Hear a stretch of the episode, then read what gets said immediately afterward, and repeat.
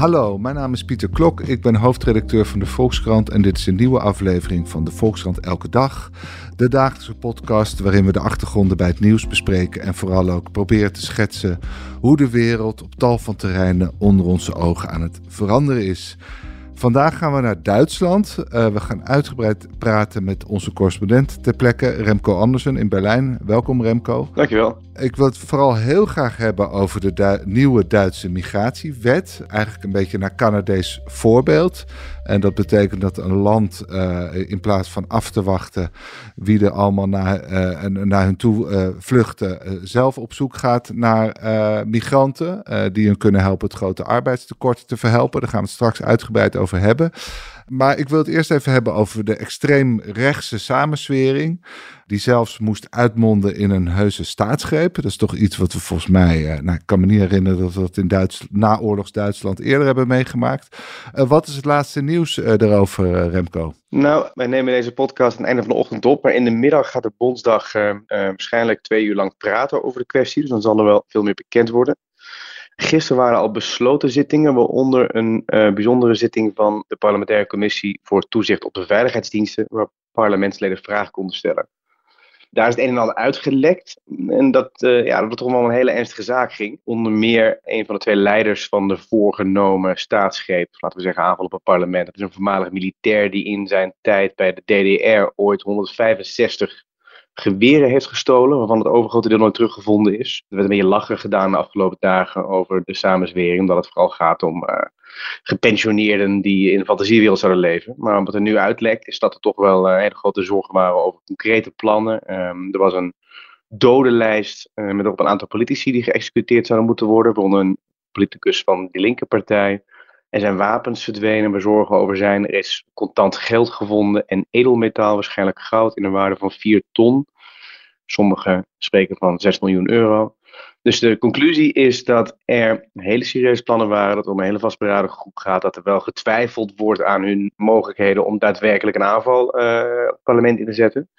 Maar dat ze daar uh, zeer ver voor aan het plannen waren. Ja, maar was het nou een geïsoleerd groepje of maakten ze onderdeel uit van een bredere beweging? Is daar al meer duidelijk over geworden? Nou ja, het zorgelijke hieraan is ook wel dat uh, verschillende groepen die de democratische rechtsorde in haar geheel afwijzen, elkaar uh, lijken te vinden in Duitsland. De speel in deze hele beweging is een groep die heet de Rijksburger. En dat is een, een, een Duits fenomeen van mensen die geloven dat de Bondsrepubliek Duitsland geen bestaansrecht heeft. Het fundament voor de theorie is, gaat een beetje ver terug, maar uh, Hitler heeft de macht uh, vlak voor de val van, uh, van zijn rijk overgedragen aan Admiral Dönitz. Admiral Dönitz is nooit gevraagd wat er moest gebeuren na de Tweede Wereldoorlog en de geallieerden hebben vervolgens samengezworen om Duitsland op te zetten met een grondwet en een democratie onder controle van de westerse machten. Om Duitsland nou onder controle te houden. Dat is de samenzweringstheorie die het fundament is voor het gedachtegoed van de Rijksburger. En die Rijksburger, volgens de veiligheidsdiensten, zijn er inmiddels 23.000 mensen die dat gedachtegoed aanhangen. En een hele lange tijd waren dat een beetje ja, schetsfiguren waar je lacherig over gedaan werden. Die uh, eigen communes begonnen hier en daar in Duitsland. En dan uh, hun eigen kentekenplaten gingen rondrijden. En eigen paspoorten uitgaven en dergelijke. Maar inmiddels is duidelijk dat die Rijksburger, dat een behoorlijk deel daarvan, een substantieel deel daarvan, extremist extremistisch gedachtegoed aanhangt, uh, rechtsextremistisch gedachtegoed. En ook bereid is tot geweld. Dat zou gaan om zo'n 10% van die Rijksburger. Nou, 10% van 23.000 mensen, uh, dat zijn een hele hoop mensen. Ze geloven dus eigenlijk in de kern dat Duitsland een soort, soort vassalstaat is van de uh, geallieerde mogendheden. Tot op de dag van vandaag. Tot op de dag van vandaag. Die samenzwering zou ontstaan zijn na de Tweede Wereldoorlog. En eigenlijk het tweeledig doel. Ten eerste om Duitsland uh, onder controle te houden. Te voorkomen dat het ooit weer een sterk land wordt. En ten tweede om het als een soort bedrijf en winstmachine te runnen. Waaruit geld afgeroomd kan worden. Dat zijn zo'n beetje de, de, de theorieën, zeg maar. En uit die beweging Uh, daar komt deze samenwerking uit voort. Maar er zijn ook allerlei figuren bij betrokken die uh, zich zowel met het Rijksburger gedachtegoed identificeren, maar ook zeer anti-vaccinatie zijn. Uh, er zijn mensen bij betrokken die de Amerikaanse, de van oorsprong Amerikaanse QAnon-samenzweringstheorie aanhangen. Die stelt dat de wereld wordt gerund door een bende satanistische pedofielen. Altijd niet onder leiding van Hillary Clinton. Maar al die verschillende groepen die uh, ja, misschien tot zekere hoogte in een fantasiewereld leven, um, maar die zo kwaad en gefrustreerd en deels bereid tot geweld zijn. En dat ze de staat en de democratische rechtsorde in hun geheel afwijzen. Dat aantal groepen groeit, het aantal mensen groeit, het aantal mensen daarbinnen dat bereid is tot geweld groeit, allemaal volgens de Duitse autoriteiten. En ze zoeken elkaar op. En dat alles gebeurt min of meer onder de ideologische hoede van de AFD, de Alternatieve voor Duitsland. Wat natuurlijk een rechtsradicale partij is, maar met name in het oosten van Duitsland glijdt die partij echt heel snel af lang, nou, naar een antidemocratische organisatie die min of meer openlijk via de lokale leider in het oosten ontwerping van de staat bepleit. En dat, dat alles, dat zoekt elkaar op, dat vindt elkaar op, organiseert onderling. En ja, een extremistische voorhoede daarvan, die heeft kennelijk geleid tot een groep mensen die van plan was om een gewapende aanval op het parlement te plegen in een poging de staat omver te werpen. Dat is uh, wat er gebeurd is. Want dat was het idee. Gewoon de, de Rijksdag uh, bestormen en dan hopen dat de chaos uit zou breken en het leger de kant, van de putschisten zou kiezen en dat je dan zomaar de macht in zo'n enorm land uh, kunt overnemen. Ja, het idee was, wat ik vandaag las in de Duitse krant op basis van wat er gisteren uit die besloten zittingen lekte, is dat er geen gedetailleerd aanvalsplan was, als in wie welke deur op welk moment met welk geweer zou beschieten maar dat er wel afgesproken wordt over een tijdlijn. Het idee was inderdaad, we bestormen het parlement, we nemen de mensen gevangen, we executeren politici die wij uh, tegen ons vinden. En vervolgens installeren we een noodregering, waarvan ook de posten al uh, deels vergeven waren. En uh, er was ook een heel plan om met 286 thuislandbeschermingscompagnieën, dus gewapende milities door het hele land, proberen uh, daar de controle te vestigen. Het, is natuurlijk, het, is natuurlijk, een fantasie dat je een land als Duitsland met een bestorming van het parlement kunt overnemen. Maar wat wel een heel serieuze mogelijkheid lijkt te zijn geweest, is dat er iemand het parlement binnendringt, of meerdere mensen, en daar begint te schieten. En dat je een beelden krijgt van doden en gijzelingen. En, uh, dus dat is een hele serieuze dreiging.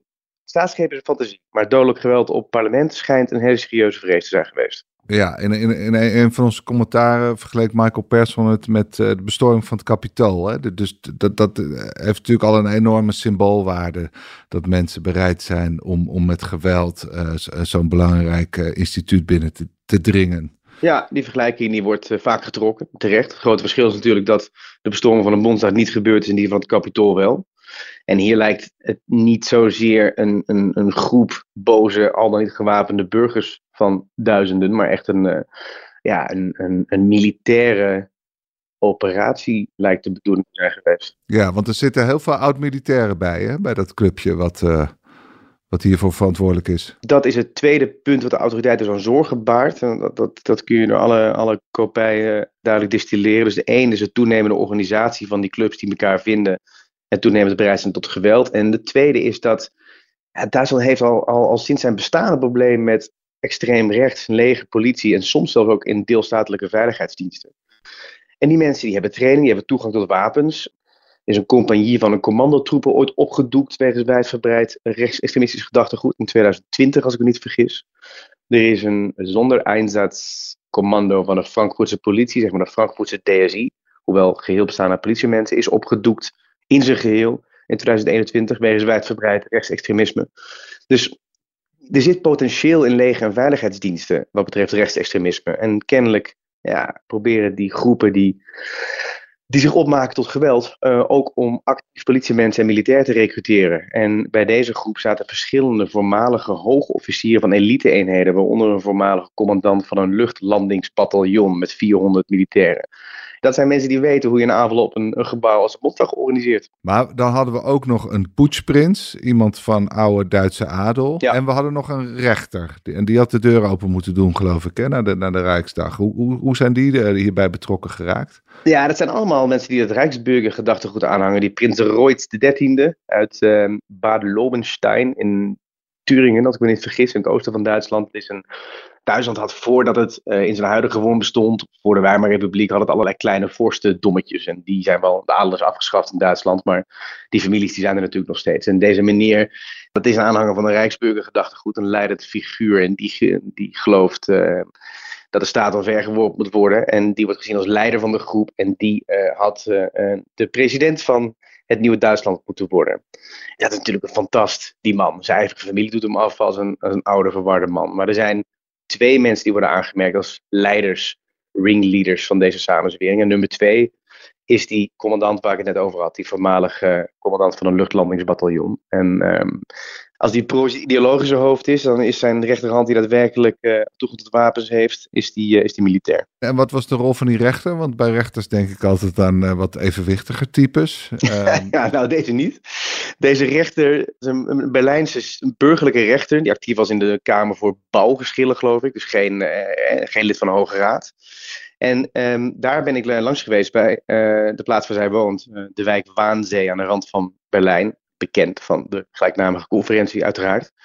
Dat huis heb ik gevonden en de buren een beetje gevraagd wat voor een type dat is. En nou ja, dat is een, een, een, een zonderlinge vrouw die vier jaar lang voor de AFD in het parlement heeft gezeten. Zich daar zeer extreem uitsprak. Eind vorig jaar heeft ze die zetel verloren.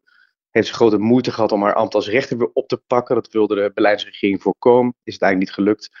En ja, ik heb natuurlijk alleen buren gesproken, niet haar uh, psycholoog. Maar het beeld is echt van een vrouw die uh, steeds meer afgedwaald is in de krochten van uh, samenzweringsgedachtegoed. En uiteindelijk kennelijk door die beweging opgepikt is. Wegens haar toegang als ex-parlementariër tot de Bondsdag. En je zei eerder al, het is vooral misschien een Oost-Duitse beweging. Turingen was ooit de staat die als eerste in de handen kwam van de Nationaal Socialisten, ja, jaren 30. Wat is dat in Oost-Duitsland, dat, dat, dat ze zo naar extremisme neigen? Ja, nou ja, onder de, de, de verdachten nu, en de arrestanten nu zitten ook veel West-Duitsers. En ook in West-Duitsland is het, het Rijksburger gedachtegoed en extreemrechts sterk. Met name in Oost-Duitsland is de AFD veel extremer dan in het Westen. En in Oost-Duitsland inderdaad is uh, extreem rechts al te sluimend om de oppervlakte. En dat is, dat is heel simpel terug te voeren nu op onvrede, op frustratie. In Duitsland gaat het voortdurend over hoe we toch in hemelsnaam uh, Oost-Duitsland uh, uh, deel maken van onze democratische bondsrepubliek. Kijk, na de, de, val van de muur zijn er allerlei beloften gedaan aan mensen daar die nooit ingewilligd zijn. Hè? met politieke invloed beloofd, economische vooruitgang. Nog altijd is het gemiddelde salaris in Oost-Duitsland 1000 euro lager dan het gemiddelde salaris in het westen van Duitsland. Veel mensen daar voelen zich heel ja, een grote afstand van Berlijn. Hè? Terwijl daar allerlei banen verloren zijn gegaan de afgelopen decennia. Wordt in Berlijn gepraat over uh, uh, genderneutrale wc's. Dat is een beetje het, het beeld onder ontevreden Oost-Duitsers. En die zijn veel meer geneigd om, ja, om zich aan te sluiten bij bewegingen met radicale ideeën. En in het Westen wordt ook wel vaak gezegd dat het te maken heeft met gebrek aan democratische bildung. Omdat er natuurlijk generaties zijn in Oost-Duitsland die niet in de democratie zijn opgegroeid. Maar de kwestie Oost-Duitsland en waarom radicale meningen daar welig in het Westen, dat is een van de grote hoofdbrekens nog steeds van deze tijd in Duitsland. Hij was nou een belangrijk speerpunt. De AVD is natuurlijk eh, sterk uit, eh, gekant tegen immigratie. Geldt het ook voor die Rijksburgers? Is dat een belangrijk punt? Zijn ze xenofoob? Een deel daarvan zeker, ja, absoluut. Kijk, Duitsland is zich nu aan het herbezinnen op wat die Rijksburger precies zijn. De veiligheidsdienst die gewoon een website heeft waar ze allerlei informatie delen. Die speelt een andere rol dan de AIVD in Nederland. Het is natuurlijk een geheime dienst die het geheim opereert, maar ze delen veelvuldig al hun bevindingen en wat men daarvan moet vinden. Die spelen een rol in het publieke debat, het Bundesamt voor Verfassungsschutz. En die zeggen op een website nu nog, de Rijksburger als geheel zijn niet rechtsextremistisch, maar een, een deel Zo'n duizend daarvan zijn dat wel. En uh, binnen een deel van de Rijksburger is uh, nou ja, volkies gedachtegoed, rechtsextremisme, antisemitisme heel duidelijk aanwezig. Maar inmiddels staan de kranten vol met uh, commentaren sinds vorige week over hoe die, die zienswijze er echt moet aangepast worden. In de tijd wordt dat de Rijksburger als geheel als extreem rechts worden gezien. En als xenofoob en als antisemitisch. Dus die discussie erover is in volle gang. Meneer Preuß, de zelfverklaarde prins, die de leider van het hele zootje moest worden, die is in ieder geval bekend om antisemitische en racistische uitspraken. Remco, je had uh, afgelopen zaterdag een, een uh, heel interessant uh, en fascinerend verhaal over een nieuwe immigratiewet. Dus Duitsland laat een beetje verschillende gezichten zien. Aan de ene kant zie je het sentiment tegen immigratie groeien, volgens mij. Maar met deze wet willen ze juist vluchtelingen of, of migranten verwelkomen.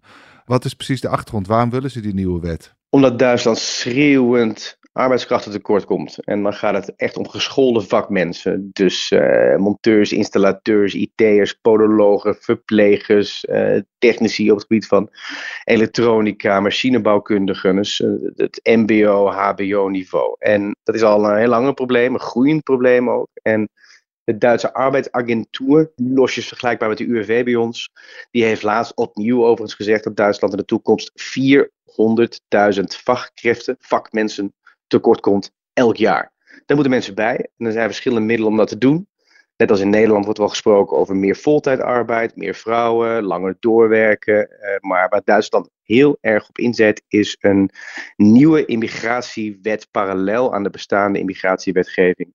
Maar dan specifiek gericht op het binnenhalen van de juiste vakmensen. Want die mogelijkheden zijn er nu niet. Je kunt mensen toch eh, werkvergunningen geven, neem ik aan? Die mogelijkheden zijn er nu wel. Uh, maar er zijn te veel obstakels, vindt de regering van links tot rechts. Uh, bureaucratische obstakels, obstakels als het gaat om erkenning van diploma's uit het buitenland, als het gaat om Duitskennis bijvoorbeeld.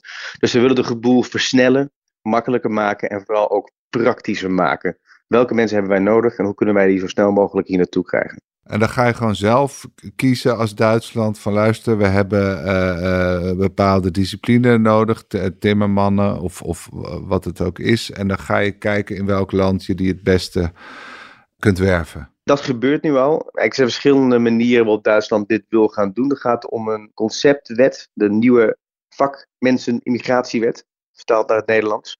Er is namelijk al een vakmensen-immigratiewet uit 2020 die het makkelijker moest maken. Er zijn een aantal regels die uh, veranderd moeten worden. Een ervan bijvoorbeeld is dat het erkennen van diploma's om te mogen werken in Duitsland nu heel moeilijk, langdurig en omslachtig is.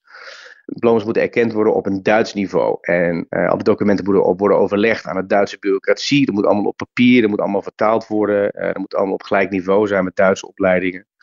In de toekomst kan het ook voldoende zijn voor de meeste vakken als iemand twee jaar ervaring heeft en een opleiding die in eigen land erkend is. Dat is een heel groot verschil, want dat betekent, zei um, een werkgever tegen mij in het artikel wat ik zaterdag schreef, dat niet langer de Duitse overheid beslist wie goed genoeg is opgeleid om bij hem in zijn bedrijf te komen werken, maar dat hij zelf beslist wie hij goed genoeg vindt om in zijn bedrijf te komen werken. En dat is een van de dingen die veranderen.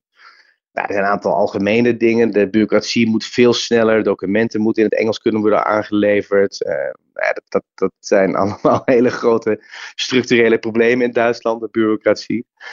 Maar de grootste innovatie eigenlijk van deze wet is wat ze in goed Duits een chancenkarte noemen. En dat wordt een puntensysteem, naar Canadees en ook wel Amerikaans voorbeeld.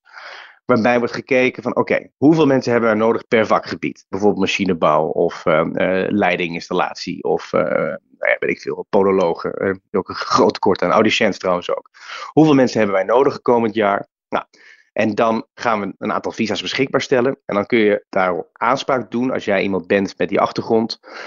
Op basis van een aantal punten. Dus dan kijkt de Duitse overheid van: oké, deze meneer of mevrouw, hoeveel jaar ervaring heeft hij? Wat voor opleiding heeft hij? Hoe oud is die? Wat voor talenkennis heeft hij? Heeft hij misschien ook banden met Duitsland, bijvoorbeeld familie die daar al is? Nou, uit die hele mix rolt een puntenaantal. En als je genoeg punten krijgt, dan kun je naar Duitsland komen om werk te gaan zoeken in dat vak. En uh, hoeveel visa er beschikbaar worden gesteld per vakgebied hangt dus af van de behoefte aan vakmensen in dat vakgebied. Dat is het idee op papier. Het maakt niet uit waar je woont. Iedereen kan solliciteren. Iedereen kan solliciteren. En tot nu toe is het eigenlijk overal, ja, er zijn wel uitzonderingsregelen, ook in Duitsland, maar in principe is het gewoon, je moet je diploma erkend krijgen, je moet een concreet baanaanbod hebben in Duitsland en dan mag je komen, anders niet. Dat wordt dus geschrapt. Mensen kunnen komen op basis van hun kansen om in Duitsland werk te vinden. En dat is uniek voor Europa. En dan weet je nog niet eens zeker of ze ook daadwerkelijk een, een, een baan gaan krijgen. Nee, precies. Alleen ja, op basis van het puntsysteem wordt de kans dan groot geacht dat zo iemand succesvol is in zijn zoektocht. En dan mag hij of zij komen. Is dat ook iets voor Nederland, denk je? Ik weet niet hoe groot de behoefte. Ik weet dat Nederland ook enorm tekort heeft aan vakmensen. Ja, het zou een oplossing kunnen zijn, kan ik me zo voorstellen. Maar uh, ja, wat, ik, uh, wat ik begrijp zo hier op afstand uit Duitsland, is dat Nederland op andere middelen inzet, zoals de voltijdbonus. En ik denk dat de discussie over migratie, gek genoeg, het gaat hier specifiek om vakmensen. Uh, Duitsland is een maakeconomie. Die maakeconomie is de motor van de export, de ruggengraat van de welvaart. Dat weet iedereen. Dat zeggen ze ook bij de conservatieve CDU van meneer Merz de opvolger van Merkel. Dus niemand in Duitsland ontkent dat die mensen nodig zijn. En deze wet is een poging onder discussie over immigratie voor vakmensen te ontdoen van ideologische ballast en puur pragmatisch te benaderen. Of dat lukt is natuurlijk nog een grote vraag. Daarom is het zo interessant. Maar ik kan me zo voorstellen dat het in Nederland nog net ietsje moeilijker is om immigratie te ontdoen van ideologische belast. Een discussie erover. Dus, um... Ja, en, en, ze kijken dus op een vrij hoog abstractieniveau van luister, we hebben er 400.000 tekort, dus we moeten er gewoon 400.000 halen. En dan gaan we ervan uit dat die allemaal op de goede plekken terechtkomen. Ja, ik weet niet of alle 400.000 met die chancenkaarten worden binnengehaald. Dat is één onderdeel van het nieuwe systeem. Het wordt ook veel makkelijker om werkgevers om voor bijvoorbeeld een, een een Venezolaanse elektrotechnicus uh, over te brengen, puur op basis van zijn Venezolaanse uh, diploma en hem een baan te geven. Dus er worden, alle, worden allerlei knoppen gedraaid. Het puntsysteem is daar één, één van. Maar een grote vraag, een hele grote vraag hierbij is: als mensen naar Duitsland toekomen om werk te zoeken, hoe moeten die zichzelf dan onderhouden? Want er is nu ook al een systeem waarbij mensen naar Duitsland kunnen komen om werk te zoeken. Sinds die nieuwe wet van 2020. Maar dan moet je wel vele duizenden euro's op een spaarrekening kunnen laten zien voordat je überhaupt mag komen. Ja, en dat hebben de meeste mensen die van buiten Europa werk komen zoeken in Europa natuurlijk niet. Dus ja, dat, dat zijn openstaande vragen. Soms wordt er geopperd om werkzoekende economische migranten dan alvast toegang te geven tot het sociale systeem. Maar ja, daar, ja dat is natuurlijk iets waar, waar, waar de conservatieve oppositie en misschien ook wel mensen in de coalitie bij zouden gaan stijgen. Het idee dat je migranten die nog geen werk hebben toegang geeft tot een uitkering. Er zijn allemaal, allemaal vragen. Ze komen met een nieuw systeem dat op de op papier en in theorie ziet het er veelbelovend uit, maar er zijn duizend en één manieren waarop een stuk kan lopen op de praktijk. En de komende jaren gaan we zien of Duitsland het wel of niet voor elkaar krijgt. Ja, want wat me verbaast is, is uh, je zou zeggen dat er in de EU nog wel genoeg uh, mensen zijn die graag in Duitsland zouden willen werken. Hè, de, de, belangrijkste reden dat Groot-Brittannië uit de EU ging, was dat ze eigenlijk te veel uh, immigranten uit EU-lidstaten naar hen toe kregen. Maar hoe kan het dat Duitsland die 400.000 niet gewoon uit Europa kan halen? En je hebt al die Oekraïense vluchtelingen, die zoeken ongetwijfeld ook allemaal een baan. Dat is een goede vraag. Ik kan niet zo goed spreken voor andere Europese landen. Ik weet dat in Duitsland dat er veel te weinig mensen zijn die nog opleidingen volgen tot vakmensen. Uh, het overgrote deel, veel meer mensen gaan naar middelbare school en universiteit. Dat is het, het hoogst haalbare en het doel voor veel mensen. Dus er komen nog maar weinig mensen van de vakschool af. En je hebt vergrijzing natuurlijk. Dat zijn de factoren die hier een, eh, een grote rol spelen. Oekraïners zijn die vaak tijdelijks. Ik weet niet uh, in hoeverre die langdurige oplossing vormen eh, voor uh, tekort aan arbeidskrachten. En mensen die in het asielzoekerssysteem zitten, die kunnen vaak niet of onder hele beperkte omstandigheden werken omdat ze geacht worden tijdelijk in Duitsland te blijven en tijdens een tijdelijke verblijf niet mensen met voorrang op de arbeidsmarkt, zoals Duitsers of EU-burgers, mogen verdringen. Je ziet wel degelijk mensen uit andere EU-landen in Duitsland werken hoor. Uh, ik kom ook Spanjaarden en, en Polen en dergelijke tegen op de werkvloer. Uh, dus het is niet zo dat die mensen er niet zijn, maar kennelijk zijn er niet genoeg om een, een, um, een duurzame oplossing voor het tekort uh, te vormen. Helder. Nou, we gaan het met belangstelling volgen en misschien kunnen we er toch een hoop van leren als Nederland. Dankjewel Remco voor je heldere uitleg. Uh, u luisteraar, dank voor het luisteren naar deze aflevering eh, van de Volkskrant Elke Dag. Morgen zijn we er weer. Dan gaan we het uitgebreid hebben over biodiversiteit. Daar vindt op dit moment een belangrijk topover plaats in Montreal. En Ben van Rij en Jean-Pierre Gele zullen er alles uh, over vertellen. Graag tot dan.